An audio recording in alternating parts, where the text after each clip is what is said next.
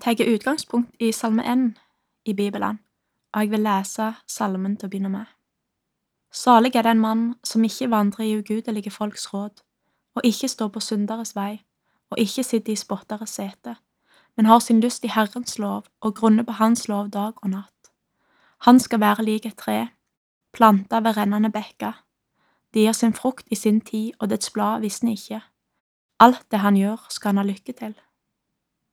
Slik er det ikke med de ugudelige. De er lik agne som vinden blåser bort. Derfor skal de ugudelige ikke bli stående i dommen, og syndere ikke i de rettferdiges menighet.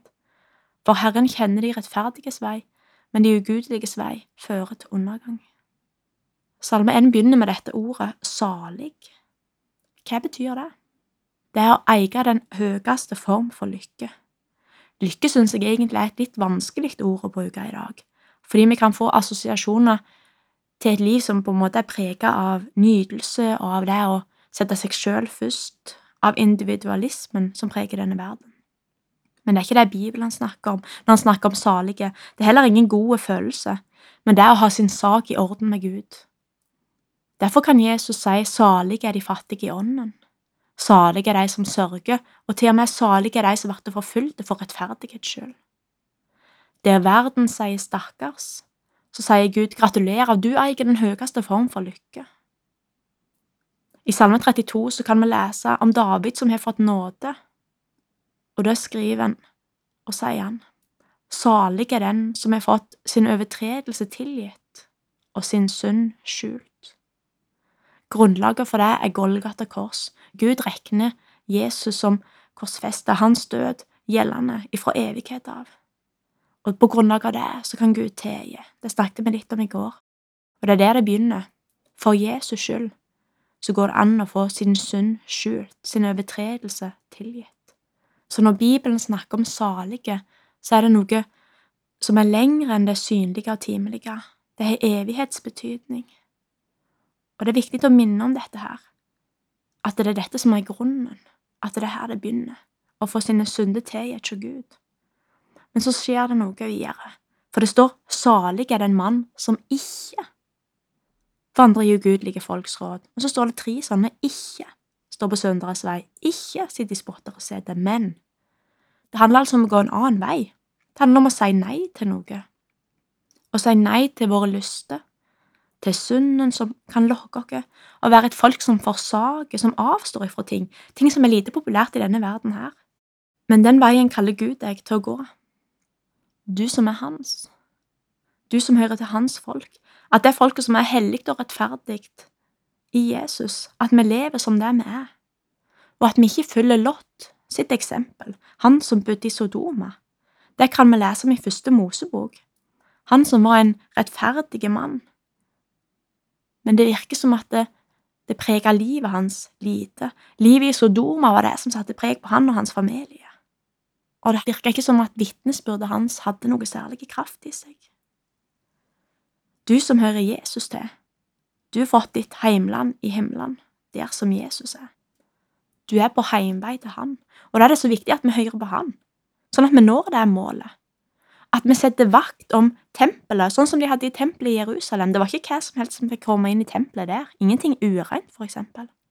At vi også sånn er nøye. Fordi Det nye testamentet sier det at vi er den levende Guds tempel. Guds ånd bor i oss. At vi da er nøye med hva vi slipper inn. At vi tar vare på hjertet framfor alle ting. At vi setter vakt om sinnet vårt. At vi er nøye. At vi sier stopp og nei til ugudelige råd, at vi avslører synden som kommer i så fin innpakning, og at vi vender om når vi faller, at vi sier og tar til oss Guds løfte, at vi sier ja til det som Gud sier ja til, og nei til det som han sier nei til. I andre Timoteus brev, kapittel tre og vers n, så står det, Men dette skal du vite, at i de siste dager skal det komme farlige tider, for menneskene skal da være.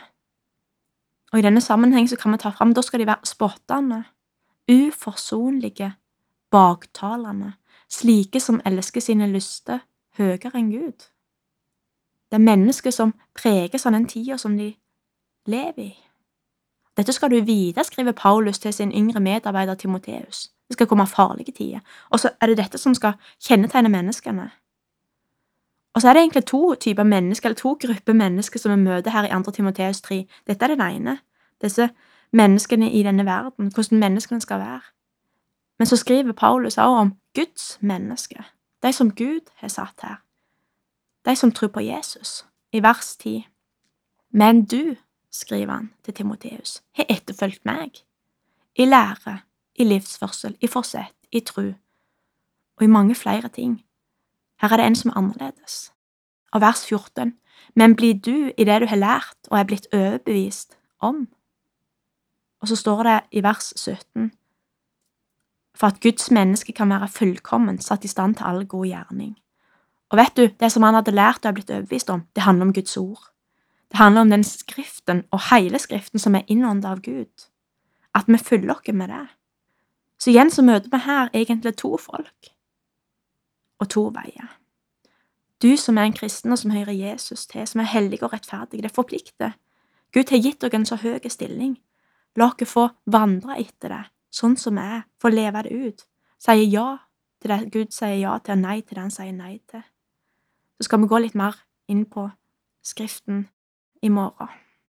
Jeg priser deg, Far i himmelen, fordi at du sier vi er hellige og rettferdige ved troa på Jesus. Må det få prege livet vårt. Du er god. Amen. Du har lytta til Over en åpen bibel, og andakten var ved Marie Hornes. Serien produseres av Norea Mediemisjon. Les mer om oss på norea.no.